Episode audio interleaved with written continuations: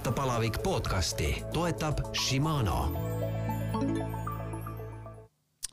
Tere, head kuulajad, jalgrattapalaviku podcasti signatuurid jällegi kõlasid, mis tähendab seda, et meil on järjekordne huvitav jutt tulemas. eelmisest saatest on möödas natukene rohkem kui kaks nädalat, võib-olla tekkis juba väike kartus, et ka ei tea, kas tulebki, aga, aga tuleb ja tuleb edaspidi kindlasti ka ja meil on, ma julgen juba ette lubada, täna väga-väga huvitav külaline selles mõttes, et võib-olla on siin noorem generatsioon, kes ei teagi, et sellised mehed on kunagi jalgrattaga sõitnud ja väga kiiresti ka veel. ja kõigele lisaks meil siis on ju Tokyo olümpiamängud ukse ees ning äh, tänasel külalisel on seos ka Tokyo olümpiamängudega, äh, mitte küll endal otseselt, aga tegelikult pereringis äh, väga lähedalt. tere tulemast saatesse, Urmas Tölp! tere! Äh, kõigepealt räägime selle Tokyo olümpiamängude seose äkki kohe ära, et kuna siin juba laupäeval mehed meil kihutavad Tokyos Tanel Kangert ja Peeter Pruus, siis äh, sinu isa Rein Tölp tuhande üheksasaja kuuekümne neljandal aastal osales Tokyo olümpiamängudel kaheksasaja meetri jooksus ja, ja juba tollasel ajal saada liidukoondises olümpiamängudele, no see oli iseenesest juba kõva sõna. ja sinna saada oli juba väga raske, aga siis oli ka see, et kui sa liidukoondisesse juba said, siis tähendas seda, et sa tegid tiitlivõitlustel ka juba korraliku tulemuse, eks? aga sina sündisid ikkagi siis, kui need Tokyo olümpiamängud olid juba möödas, eks? no mina sündisin jah, tuhat üheksasada seitsekümmend kaks Müncheni olümpiaastal. jaa, aga, aga Tokyo olümpiamängudega mul on veel üks seos, mida sa ei tea. nii? ja näiteks see inimene, kes aitas mind Saksamaal, kes oli natukene mänedžer ja seal on siuke koht nagu olümpiastützpunkt Stuttgart. sõitsin Saksamaal ratast ja siuke mees nagu Karl Link, kes tuli Tokyo olümpial olümpiavõitjaks trekimeeskonna sõidus ja tol ajal esines seal United Team of Germany ehk Ida- ja Lääne-Saksamaa koos viimast korda. väga Järg, huvitav. järgmine olümpia oli tuhat üheksasada kuuskümmend kaheksa Mehhiko ja seal Saksa saavutas teise koha. aga see on väga huvitav lugu, sest finaalis nad olid Taaniga ja Saksamaa juhtis poole ringiga. sa räägid siis äh, ikkagi nelja kilomeetri meeskonnasõidust trekil? jah mm. -hmm.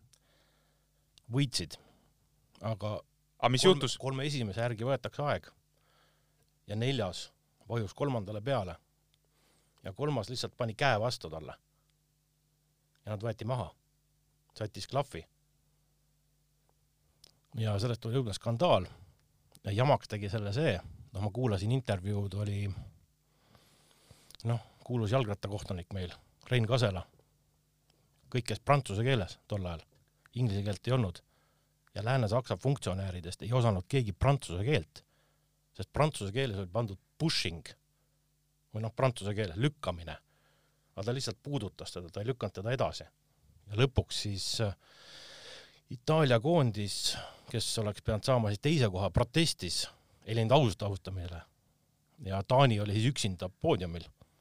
ja lõpuks otsustati, mingi poole aasta pärast anti neile siis hõbemedalid nii et ikkagi said medalid kätte jah, vähemalt selles ja. mõttes, et, et küll võitsid, eks, aga, aga said äh, medalid, mitte päris ei diskvalifitseeritud. ja nad lõpuks ikkagi said need kätte, aga noh, see on jälle sport. ja spordis juhtub äh, igasuguseid asju, no sinul, kui sa oled, kui me juba siin rääkisime, mida su isa tegi ja kui kuulus sportlane oli, et äh, sul spordist äh, pääsu ei olnud? ma ei ütleks niimoodi, et sellist noh, pushing ut ei olnud. et noh, võib-olla selline noh, kuidas ma sulle ütlen, noh, väikene taak on eluaeg olnud, et noh, nad olid ju nõukogude ajal päris kuulsad inimesed. ja, ja emast me ei ole rääkinud, ema oli sul kuulus baleriin. just, ja praegu veel väga hea balletiõpetaja. just. et noh, nõukaajal ikka oli, et oi, see on ju selle poeg, et noh, tahes-tahtmata käib kaasas siuke taak. ja siis ma proovisin korvpalli, et mulle väga meeldis. sul oli kasvu ka ju? mul oli kasvu ja ma tahtsin väga saada hokimängijaks aga kuna kõik eh, hokigrupid olid venekeelsed, noh siis jäi nagu see ära, aga ma hirmsasti tahtsin saada hokimängijaks ja noh, siiamaale käin mängimas ja naudin seda.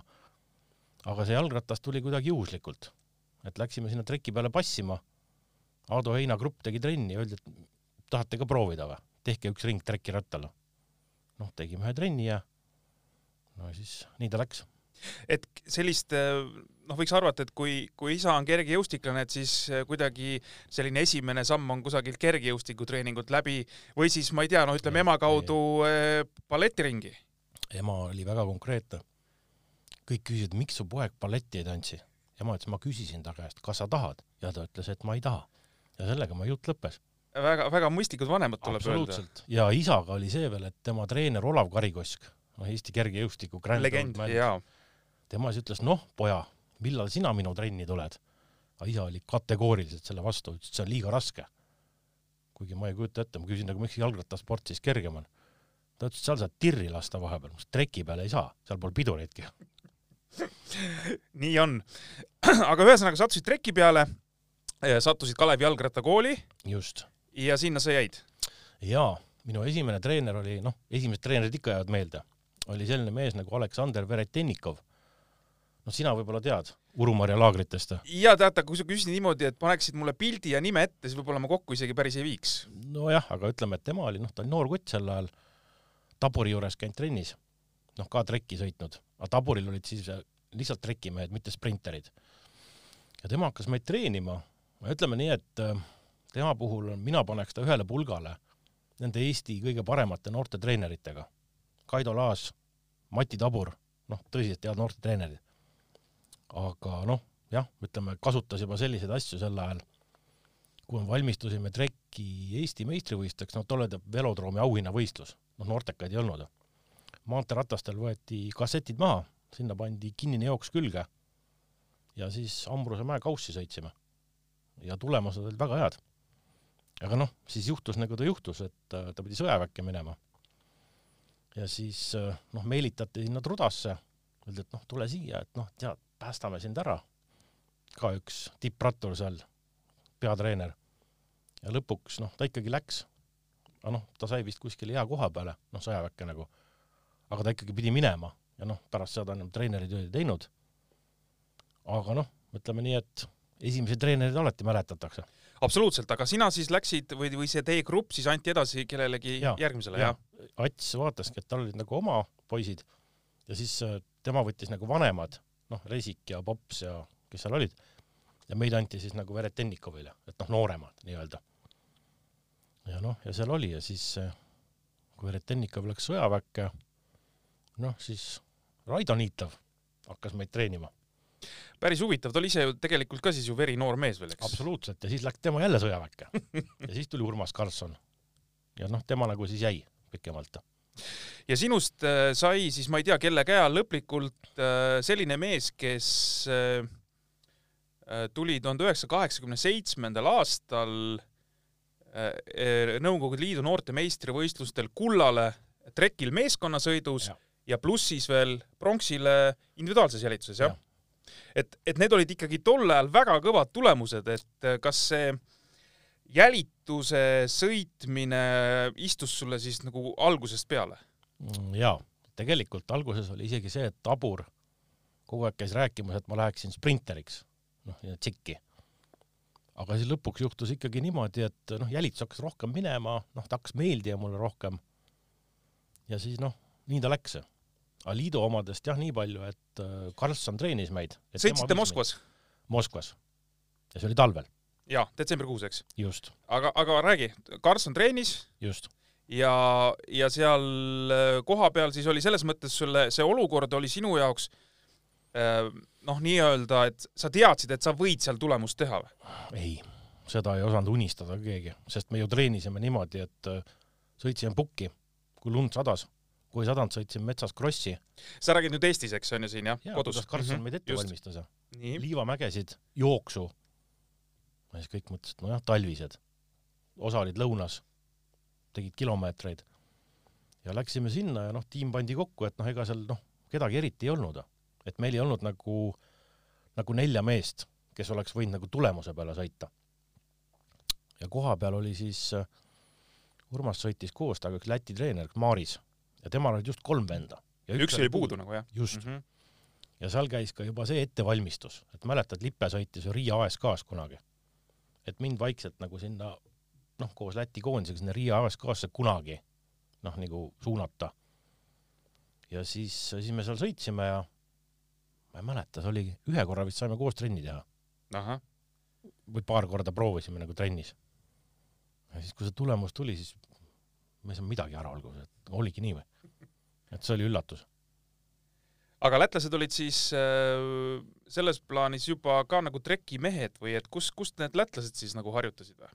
ei no eks nad samamoodi kodus. Samamoodi kodus ikka, jah. muidugi noh Mhm. mm -hmm., välistrekid, need olid trekimehed kõik, oli trekikoondis ja ja kes oli veel sel ajal trekimees ja tegi punktisõidus päris hea tulemuse, oli Roman Sveinstein, hilisem maailmameister, aga tema sõitis punktisõitu.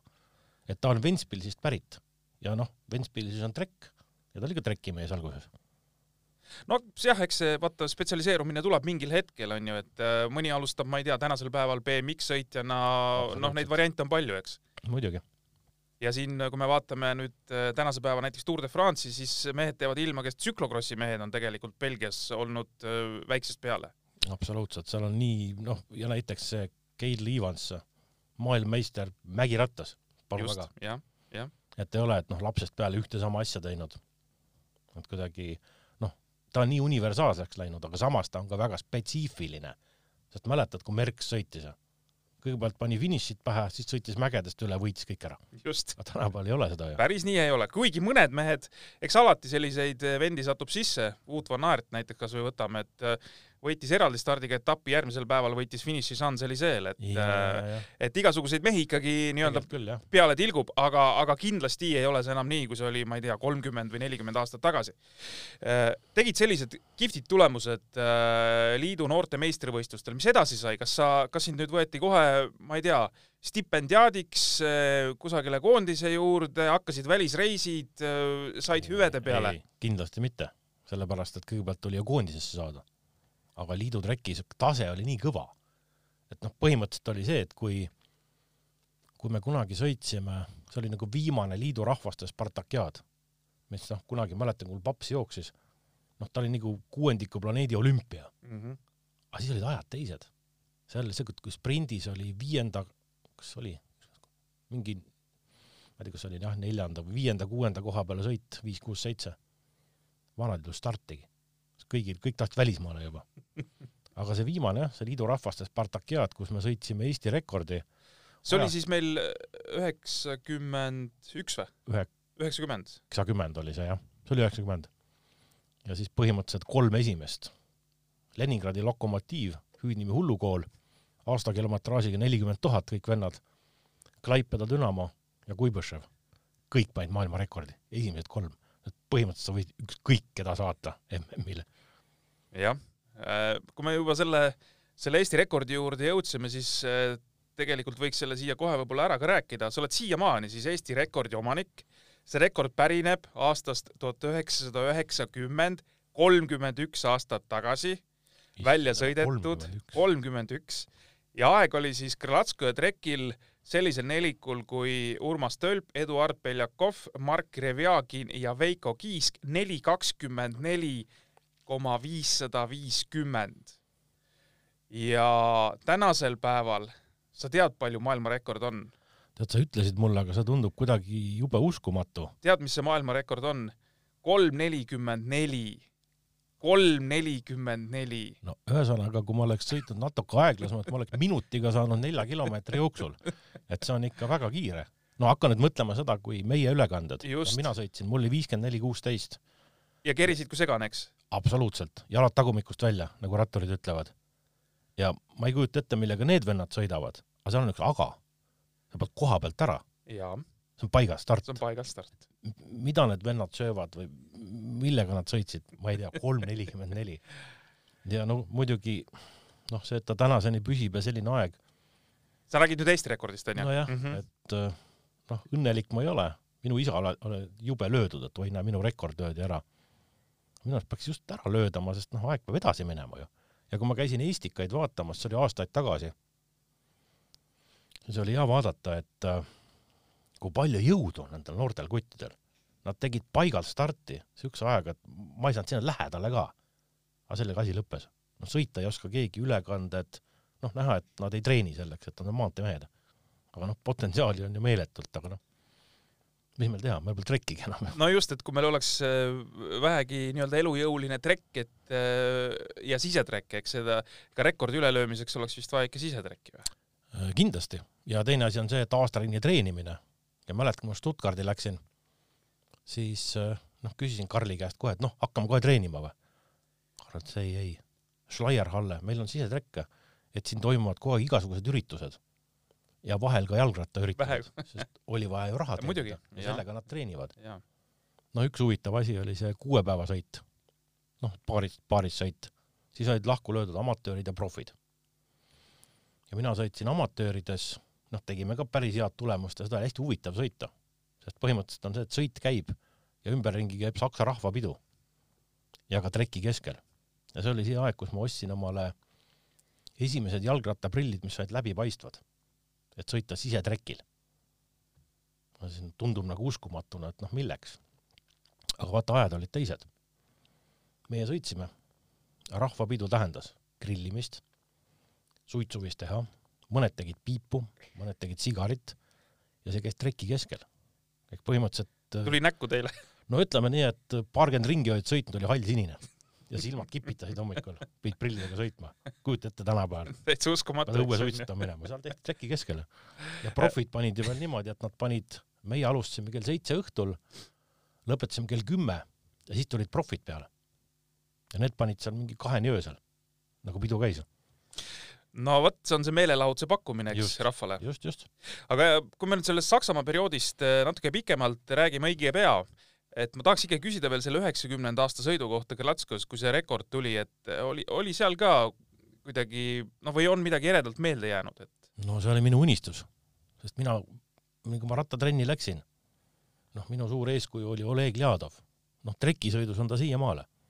noh, ütleme tegude poolest või inimesena igaüks on erinev, aga ratturina, noh, minu jaoks siiamaale nagu number üks.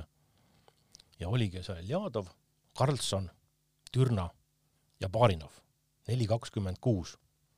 ja kunagi, kui Jekimov sõitis maailmarekordi, neli kakskümmend kuus, siis Karlsson ütles, et näed, meie sõitsime seda meeskondlikult. ja minu unistus oligi olla nagu see, kes sõidab selle üle. ja see üheksakümmend oligi see, kus nagu hakkas laiali lagunema kõik, et see oli viimane võimalus. noh, ja siis me selle sõitsime, et noh, see oligi siuke ere, ere mälestus minu jaoks, et tegime ära. Ja täitsin ka esmakordselt meistersportlase normi. ah Nõukaajal niimoodi oli- lausa, okei okay., nõukaajal oli see Ja. A ja O. ja, ja. kuule, aga ajad olid tol ajal ju nii, nagu sa ise maini-, juba mainisid, et väga segased ja, ja ja ütleme, sporti nendes tingimustes teha oli üha keerulisem. jah, kahjuks küll, aga, aga jah, selles mõttes, et siis sai mindud Saksamaale, et mu ema seal töötas. see oli siis aasta üheksakümmend kaks või? ei, see oli põhi, ta oli üheksakümmend üks, üheksakümmend üks. Siis kui toimus Stuttgardi mm. et, et siis ma nagu läksin ja, ja siis tänu Karl Lingile sain ühte tiimi sinna sõitma kohe. noh, maanteed trekki ja seal ma sõitsingi ühes Bundesliga tiim oli Helge Stuttgart. noh, ja kui vaadata ajalugu, siis nende spordidirektor Theo Maucher, sellest kasvas välja kunagi Gerolsteiner, aga see oli nagu aastate-aastate pärast, et no põhimõtteliselt tema seal alustas ja siis ta ehitas nagu selle noh, profitiimi nagu kokku endale. No kui sa üheksakümmend üks sattusid hoopis teise keskkonda, võiks ikkagi öelda. jaa, kui, kuidas sa seal hakkama said üldse, noh, see selles mõttes, et et sa pidid kohanema ja, ja kuidagi võib-olla mingid asjad olid väga harjumatud ja teistmoodi. no tegelikult, kui sa siit nõukaajast nagu tulid, siis oli väga kerge harjuda, sest kõike oli saada. ja noh, mõnes mõttes oli muidugi natuke naljakas, et noh, inimeste mentaliteet oli teine ja noh, Stuttgart, Lõuna-Saksamaa, noh, švaabid on noh, eriti tuntud oma siukse kummalise mentaliteedi poolest, et noh, keeruline nagu oli natukene, aga noh, kuna mu ema töötas seal, noh, siis oli ta nagu, nagu kergem. aga jah, eks ta nagu natuke kohanemist tahtis jah, just kuidas sõideti ja milline stiil ja mismoodi, hästi palju kriteeriumeid alla kilomeetrisel ringil. et noh, trekimehele nagu sobis ja, ja noh, need trekivõistlused, kuuepäevasõidud, see oli nagu okei Ehm, sõidu mõttes sa said hakkama seal, okay.. jaa. et ei olnud niimoodi, et nüüd ehmatasid ära, et op-op, mis siin on, ei, ei olnud. ei, ei mm. -hmm. see nii ei olnud. et noh, tol ajal Erik Zaabel oli ka ju amatöör veel. et noh, õlleklaasi taga ma võiks praalida, ma ei pea seda saavutuseks. aga noh, palju on Eestis rattureid, kes on Saabelile finiši pähe pannud, peale Jaan Kirsipuu. ega väga palju ei ole okei okay,, mis siis, et trekil. ja, aga ikkagi ja. Saabel finišeeris ring varem, oli juba väsinud, okei, aga fakt jääb faktiks. okei. ja kunagi, kui ta proff oli juba, siis Saksamaal üks kriteerium, tundis mind ära, ajasime juttu, tegime nalja. lahe kutt. Eh, kindlasti ja nüüd ju tal poeg juba ju, ma ei tea, kas esim-, vist ei olnud esimest Tour de France'i lõpetas nüüd seekord sel aastal ja, ja kunagi, kui ta poodiumil käis äh,, noh, Saabel võitis rohelisi särke seal hulgimeks onju, siis väike poiss, ta enda poiss oli siis poodiumil kogu aeg kaasas ja nüüd okay. see poiss on peajagu pikemaks kasvanud noh, nii okay., nii, nii see elu käib. eks ta on jah.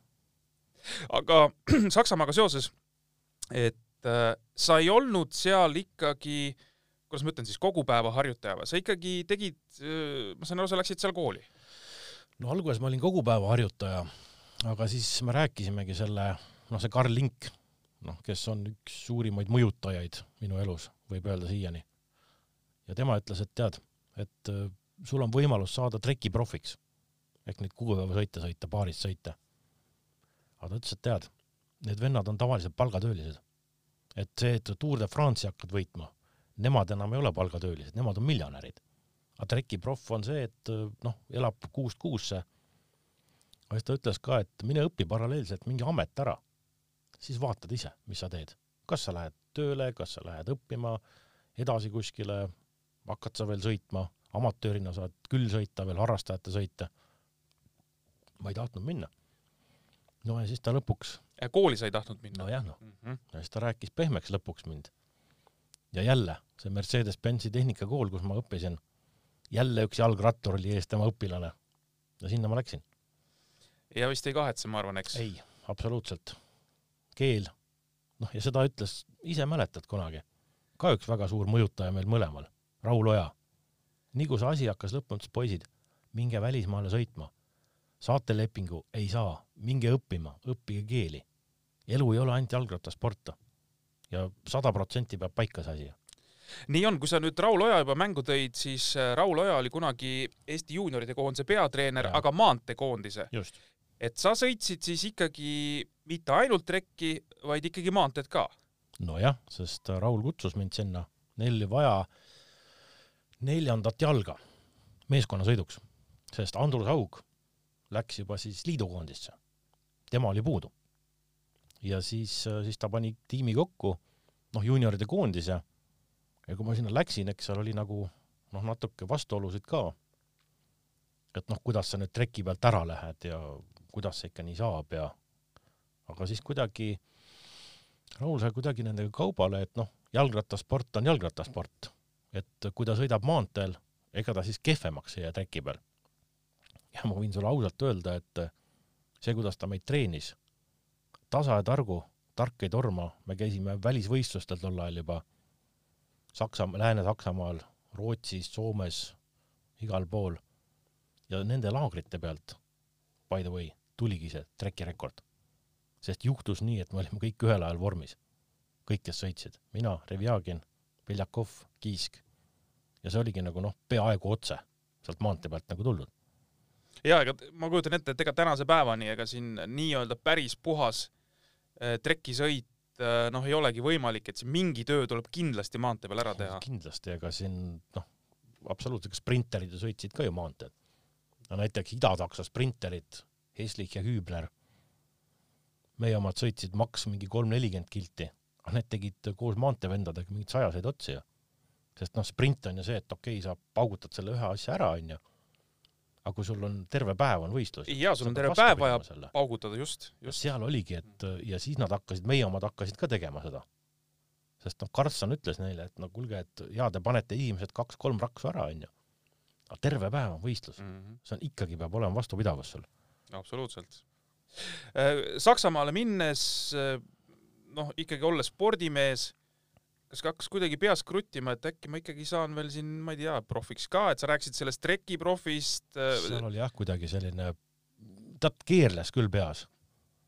aga siis, kui ma kooli läksin, siis mul, kuidas ma sulle ütlen, no Saksamaal, kui sa käid koolis, siis muuks on väga vähe aega, sest ma ei osanud ju saksa keelt, kui ma läksin sinna. ma pidin kõik need asjad omale selgeks tegema sõnaraamatuga, mis seal kirjas on. noh, trenni tegemiseks sai suht vähe aega. no siis ma sõitsin seal ühes amatöörklubis ja noh, lõpuks saigi harrastaja, aga noh, ma ei, ma ei kahetse. Äh, see periood Saksamaal oli tegelikult päris pikk sul, ta oli jah, ma olin, kokku olin kuus aastat. kuus aastat. tulid tagasi, siis ma vaatasin, et sa oled veel osalenud äh, trekisõidu Eesti meistrivõistlustel. kutsuti. ma, ma kujutan ette, et sa tulid, sa ise ei pressinud peale, vaid sind noh, nii-öelda kuule, sa oled tagasi, et kuule, teeme ühe sõidu või ma eksin? no umbes nii jah, et äh, läksin korraks trenni tegema, et ei viitsinud metsas paigiga sõita ja siis ju kõik tulid ja hakkasid sõitma. noh, Savitski ja kõik oli see nii-öelda ringiga tagasi, eks? ringiga tagasi jah. Kes, kuidas oli, Brückel ütles kunagi, Nanits oli vist ka, kes hakkas hirmsasti trenni tegema, et siis Brückel ütles selle kohta, tema legendaarne väljend, parim comeback pärast Modern Talking ut. ja noh, umbes siuke aeg oligi, onju. okei. aga noh, siis me sõitsime seal, Resik oli vist ka. ja Lauri Resik oli ka ja ja, ja. jah.. ja saite vist see nii-öelda Italianka, mis siis on äh, meeskondlik sprint, saite vist isegi hõbemedali, ma vaatasin seda. jaa. ma ei mäleta, kes võitis isegi. Elva ei olnud või? võimalik, tead, ma ka ei tea niimoodi. Marek Kalmus ja okei okay,, täitsa võimalik, vaata igaks juhuks täitsa. võimalik. aga me olime hõbedal jah. aga, aga seal siis äh, ütleme nende momentidega selline sportlik äh, rattasõit otsa sai. põhimõtteliselt jah, sest ega tegelikult noh, need Eestikad olid rohkem see, et kõik tulid tagasi ja proovisid sõita ja said kohe medali. et noh, see ei olnud enam nagu vanasti olid noh, mingid Tallinna GP-d, kus oli rahvast murdu tribüünidel, ülikõva tase. kujutad ette noh, ja eestlased olid ju, kõvad trekisprinterid kõik, noh, Toomas Villamaa, Seller, Savitski, Urmas Tooma, noh, kõik olid ju kõvad tegelikult. ja hilisemad siin ka veel, Laaneotsad ja Valterid ja kes seal kõik on sõitnud, eks vähemalt juunioride tasemel absoluutselt. Sven Lill, Andrus Rikas just,, neid on just, terve just. plejaad. et see oli jah, selles mõttes need olid kõvad võistlused kunagi. äh, olid nüüd kodus äh,, tegid mingid võistlused ja siis äh, rattasõidust sai, mis, kas jäi hobina külge äh, või ütleme, mingiks hetkeks kadus rattasõit elust nagu täitsa ära? ei noh, kogu aeg natuke noh, hobina jäi külge nii-öelda.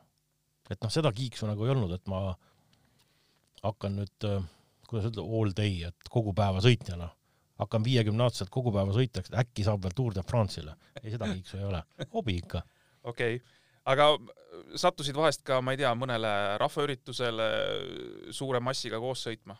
kuule ikka jah, Tartu rattamaratonid, Tartu rattarallid ja noh, jälle üks, et noh, olin ühes seltskonnas, kus oli hästi palju nagu noh, nii-öelda harrastusproffe. ja kõik hakkasid siis noh, et kes on kõvem.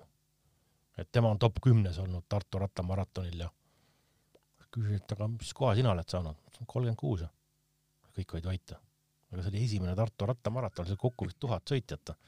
ja No nendest viiskümmend olid meesteratastega. aga see oli esimene, üheksakümmend üheksa aasta. et siis oli jah, ma ei mäleta isegi, kes võitis. kindlasti Maasikmetsa, see on kõik võitnud.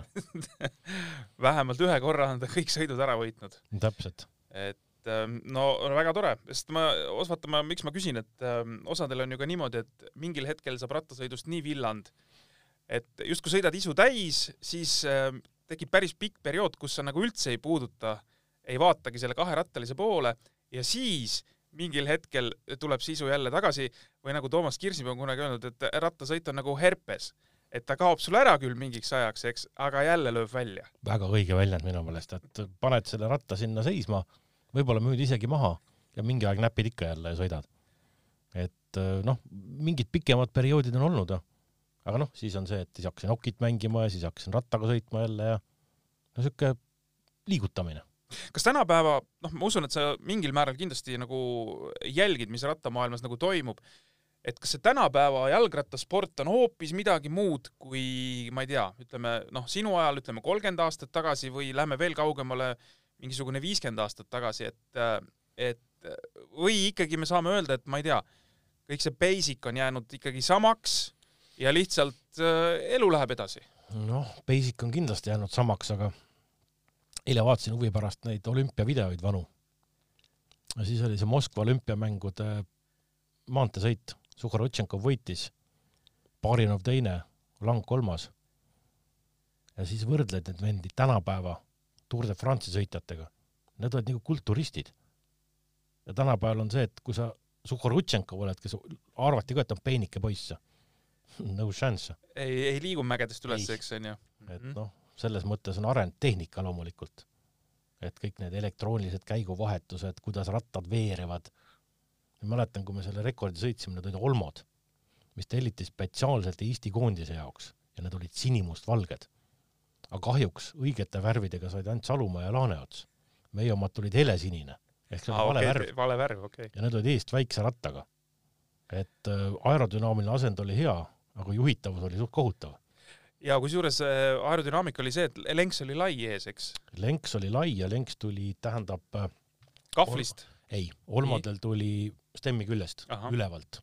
aga see tähendas seda, et ta käis nagu tallesaba, ta oli pehme.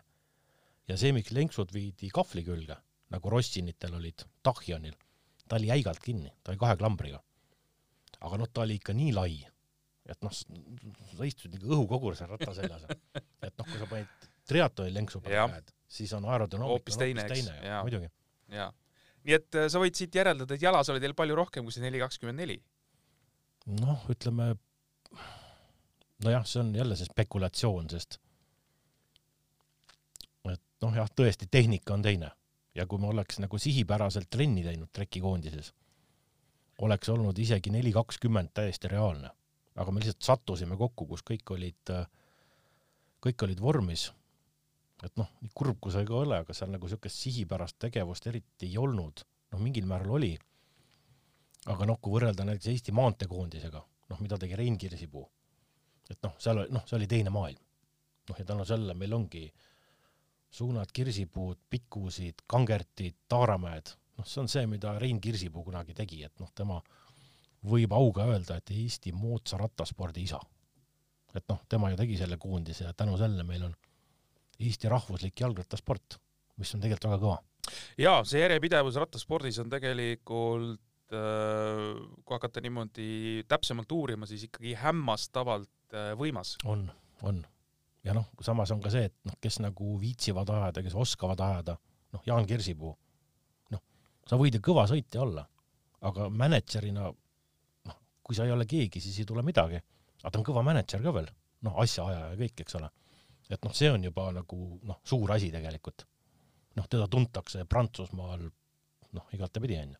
jaa, absoluutselt, mulle tundub ka, et see üks, üks võti ongi võib-olla olnud see, et et kogu aeg on oma teadmisi, kontakte, kõike edasi ja, jagatud. ja, ja, et ei ole jäädud nii-öelda kapslisse, et oi, hoian kõik endale ja mitte, mitte midagi teistele. ja et jaanipuu jah, au ja kiitus perekond Kirsipuudel kindlasti. Mis sa, mis sa arvad, mis siin meil trekisõidu koha pealt veel nii-öelda tulemas on, et tulevad meil need helged ajad tagasi, meil kunagi ju trekisõit oli, oli nii helge, et kahekordseid olümpiavõitjaid tuli. jah, vaata, aga seal oli see asi, et noh, kui sa küsid, et mis toimub Eesti rattaspordis, noh, mul üks silm naerab, teine nutab kindlasti. noh, naerab maanteesõidu pärast. aga number kaks on siis see, et esiteks meil ei ole trekkigi enam. noh, kunagi nõukaajal, kusjuures Tallinna trekki loeti parimaks liidrisõidutrekiks. Äh, liidrisõit on siis, tuletan meelde, selline ala, kus äh, mootorrattaga äh, nii-öelda oli eessõitja ja tema järel oli siis mees, kes üritas tempos püsida ja seal taga, selle mootorratturi taga oli siis Rullik. rullik, jah, just, et, et ta saaks võimalikult lähedal sõita. just, ja siis kõrva, no tahapoole olid pööratud. see vend seisis põhimõtteliselt sadulas, oleks suurem tuulevari jah, ja põhimõtteliselt ütleme, noh, ütleme maailmas tipptrekiks loeti Nürnbergi ja Nürnbergi treki kiirusrekord liidrisõidus on sada üks kilti tunnis. aastal seitsekümmend kaheksa sõidetud. uskumatu, eks noh on, ju. muidugi see liidrisõit ta täna vist ei tehtagi enam. ei tehta, ei tehta, ei tehta jah. sest ta tegelikult öö, lõpuks ta muutus juba ohtlikuks. kiirus läks nii suureks. jah, et siis, siis nagu lõpetati ära see. isegi, isegi mäletan poisikesena Tallinna trekil olles, ma arvan, see oli ka seesama Tallinna Grand Prix, et päris, päris valus kukkumine oli seal. oli. Nad sõitsid niimoodi, et noh, sa pidid rulliku küljes olema. noh, mida rohkem tuulevarjus sa oled. aga näiteks, kui ta läks oma joone pealt välja ja sõitis rattaga külje pealt rullikusse, no siis oli mats kindel ja siukse kiiruse pealt. et noh, see jah, läks lõpus natukene natukene ohtlikuks. Aga, aga kui meil see trekk tuleb, et äh, küll siis, küll siis tulevad ka trekisõitjad? ma arvan küll, sellepärast et kindlasti oleks ka inimesi, kes nagu veavad seda, sest noh, võib ju noh, üks väike näide, et noh, kuna minu teine armastus on jäähoki, siis praegu toimub just Eesti jäähoki, just rahvusliku hoki taassünd. meil on eestlasest parim hokimängija. Jah, läks Robert mängima. KHL-i, eks? just, KHL-i jaa, ja tema isa Jüri Rooba on siis teda toetanud kogu oma karjääri jooksul. ja isa siis kuidagi, podcast oli ka, et läks Soome elama ja al- alguses polnud tööd, noh, sõitis taksot, et poiss saaks minna Soome treenima, sest siin ei olnud võimalusi. noh, rattaga veel noh, kuskil sõidad, aga noh, meil jäähallid, noh, ja ta, ta ongi nagu selle Soome hokikooliga, on Rooba. ja noh, palju noh, isa on tema jaoks teinud, noh, ütleme, need kaks meest on Eesti hoki jaoks teinud ikka väga-väga palju minu käest on tihtipeale küsitud, et noh, mis mees see Rooba on, et noh, see Soome liiga ja KHL ja see on väga lihtne, kui sa oled rattavenda. Soome liiga eliitseeria on, on Vuelta. KHL on juba Giro d'Italia ja NHL on Tour de France. et noh, põhimõtteliselt Eesti hokimees on juba noh, nii-öelda Girol jaa, et ikkagi juba noh, väga-väga kõrge tase. just, ja kui noh, kui vaadata, et kuidas nõukaajal see noh, praktiliselt ei olnudki eestlastest mängijaid, polnud. olid äh, Kohtla-Järve hall, Narva hall, noh, Jõgeva Eesti hokikeskus kunagi, nad ei saanudki jäähalli, siiamaale ei ole.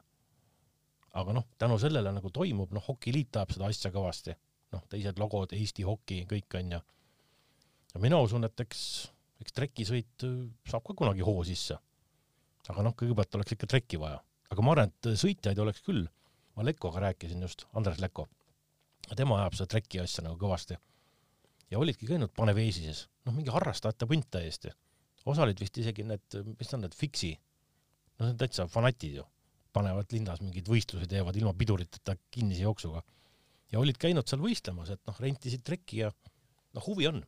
et selles mõttes täitsa okei okay,, aga noh, jälle, kõigepealt on trekki vaja. jaa, ja see, ega see rattasõit ja kõik see roheline maailm ja, ja see saab ju aina populaarsemaks ja, ja populaarsemaks üldse, ma pean silmas ka laiemat pilti, mitte ainult nii-öelda võistlussporti, aga kui me hakkame nüüd jutuajamist kokku tõmbama, et äh, nõukogude ajal sattuda välismaale kusagile võistlema, kindlasti mingisugused ägedad lood äh, tekivad nendel võistlustel, et äh, sul ei ole hetkel siin midagi meenutada sellist oi, niisuguseid lugusid nagu Andrusel kohe kindlasti ei ole. Aga... Andrus Augise pead silmas, jah? jaa, et noh, need olid ikka mm. -hmm. suu lahti kuulasin, et need olid tõesti vägevad. et sinna pole nagu midagi teha. ja meil nagu, aa ei, tegelikult üks lugu on. aga noh, see on rohkem selline noh, ütleme kus sa, kus sa sattusid näiteks Vene ajal üldse, kuhu, kuhu andis sattuda no.? kuhu andis sattuda eestlastel ikka Soome? ikka Soome Noh. mm -hmm. Asi oli nagu ta oli, kohvi keeta sai auhinnaks, aga sai välismaale. sai välismaale. ja saad aru, asi oli siis see, et me punnitasime terve aasta liidu meistrivõistlustel, et saaks Soome minna külavõistluse sõitma. ja ühe korra, noh, see on siuke fun lugu. noh, Sigard Kukk oli osaline seal. ja siis, siis oli see, et me olime mingil Soome noh, nii-öelda velotuur kolmepäevane. olime seal ja siis Kalju Koch oli ka, noh, veteranid ka sõitsid. ja, ja siis noh, jälle nõukaaja inimesed, noh, ei tea ju välismaalt. ja hakkab meile rääkima, et tead et mu tütar abiellub, vajab ruudikindaid. kui te kuskilt poes näete, siis andke teada. Sigvard ütleb, kuule, et äkki bensojaamas on ka. aga kurat, äkki ongi. noh, läksin bensojaama, siis Sigard pakkus mingeid töökindaid talle kõigepealt ja siis need kilest kindaid ja noh, vend maru vihane ja ja siis Sigvard leidis mingid nokamütsid, hästi odavalt, võrkmütsid. ja siis ütles, et aga meil raha oli kõik elamises. Ja siis, et lähme toome raha ära, ostame mütsid ära noh, mõeldud-tehtud, läksime sinna, kohka ja siis Sigvard hakkas õiendama, noh, me läheme ostame mütsid ära, sul ei jää midagi. ei lähe ta kuhugi. noh, hakkasime koos sõitma kolmekesi, küll me üritasime talle eest ära sõita vana maha ei jää. ja lõpuks siis me ei teadnud, kuhu, noh, kuhu see bensukas täpselt jäi. ja siis Sigvard ega siis ei olnud ju kepse nagu tänasel päeval. mälu järgi sõitsime, see oli see kakskümmend kilti eemal, kuule enne võistlusi võrkmütsi ostma, tule mõistusele. Ja siis äh, Sigvard nägi, et üks tee keeras paremale, läks sinna, koh pani edasi. tuli välja, et bensukas oligi edasi. jõudsime sinna, vanad mütsid käes, nägu, nägu laia naeru täis. hõõkab ukse peal, noh, kukk, kas nägid kanalat, et ära keerasid või? aga noh, ka lugu ju. absoluutselt. ja samal päeval ma sain aru, tuli sõit teil veel või? võistlus või? või päris samal päeval aa, võistlus oli läbi? järgmine päev. okei, aga noh, seal ikka see, et noh, võistluse poodides tuiskamine käis no käis käsikäes, ja, ja et noh, igasuguseid noh, ma ütlen jah, et äh, igast asjast praegu kõik ei tule meelde. aga noh, mis Pärnu mehi puudutab, nemad on ju kõik legendaarsed, nagu sa tead, ka sina. Et- ja, ja et äh, ja Pärnu mehi siis teil ju tegelikult oli seal trekipundis ju sees ka, eks päris mitmeid. jaa, Lünekund oli, no ja nagu sa mainisid juba, Lipe on vähe vanem, eks, jah, ja tema oli seal. Aga tema oli noh, ta oli kõvem ju, ta oli seal Riia ASK-s ja et siis noh, oli meestekoondis, siis ma sõitsin Lipega koos ja aga noh, muidugi, nagu sa tead, Pärnu mehed ja et kas sõidavad või ei sõida, kõik on legendaarsed. hakkame lugema, Kiirats, Arno Aia, mis siis, et juba Manala mees, Lipe, Lünekund, noh, saad aru, lugusid on ju hästi palju nendest vendadest. ja, ja on, on ja seal on noh, tegelikult neid mehi veel ja ega, ega ütleme jah, kui me hakkame siin kasvõi mõnede muude või teiste kohtade pealt Eestis, siis tõesti see ampluaa üldse sõitjad, kes sõitnud on, mida nad teinud on, noh, uskumatult rikas on ikkagi see rattasõidu, rattasõidu värk meil siin Eestis. absoluutselt ja kusjuures, kui sa võtad näiteks noh, Pärnust üks legendaarne treener, sõitjana ma isegi ei tea, siis treenerina noh, ka nagu enam-vähem noori Kiirats. aga kõik teavad, et kes on Toivo Kiirats, no kuule, Tallinna trekil, kui sulle treenerile tehakse hoiatus liigse kisamise pärast, saadetakse trekilt minema, sa tuled tagasi ja saadetakse jälle minema. Kiiratsiga oli see, et ta helistas mulle. Ja tead, millega tema tegeleb nüüd või, mis ta hobi on? tema kogub visiitkaarte. Ja tal on vist üle kahe tuhande neid. No vot, ja andsin mingit noh, Hyundai, Kiia tehase vendade kaarte ja siis rääkisin temaga, et noh, kuidas elu läheb ja mis teed ja ja noh, väga positiivne oli kuulata, kui positiivne inimene ta on. et noh, ikka ku- kuuled pensionäride käest, kui raske elu on ja tead, ma töötan Ruuki tehases, nii äge, tead vahetustega töö, mingi õpilase isa veel töötab samas vahetuses ja saad aru, see mees on üdini positiivne ja seda oli nagu nii äge kuulata. väga kihvt äh,. aitäh, Urmas, et sa tulid äh,. tervitused kindlasti siinkohal ka Toivo Kiiratsile, kes on siis minu esimene treener Ah kunagi Pärnust lausa jah, ja siis nii, sain vanemaks, juhatati Ants Jereti juurde, aga, aga nii need asjad käivad äh, siin elus ja, ja tõesti see, mis sa siin nüüd rääkisid, et äh, olgemgi positiivsed, et äh, eks neid raskeid hetki on siin noh, nii-öelda olnud ka selle Covidi viirusega meil, et kellel on see kergemini möödunud, kellel kehvemini, just, just. Aga positiivsust tuleb hoida ja oleme siis positiivsed ka olümpia suhtes, et äh, siit ka midagi ilusat meile tuleks, kas siis maantee pealt või maastikusõidu radadelt ei ole vahet, Janika Lõiv on siis ka meil maastikuratturina väljas. ja see on küll hästi tubli, et kuidas tema pressis sinna, et seda ma olen jälginud kogu aeg. et seal on väga-väga suur konkurents seal maastikurattas ka. nii et ähm, loodame, et olümpia pakub meile midagi ilusat ja sulle siis soovin ikkagi, ma saan aru, naelkummi, et vahest sa ikkagi rattaga sõitmas käid, eks? ikka, absoluutselt. aitäh kõigile, kes kuulasid ja me oleme siis äh, järgmiste juttudega juba tagasi pärast ähm, Tokyo olümpiamänge.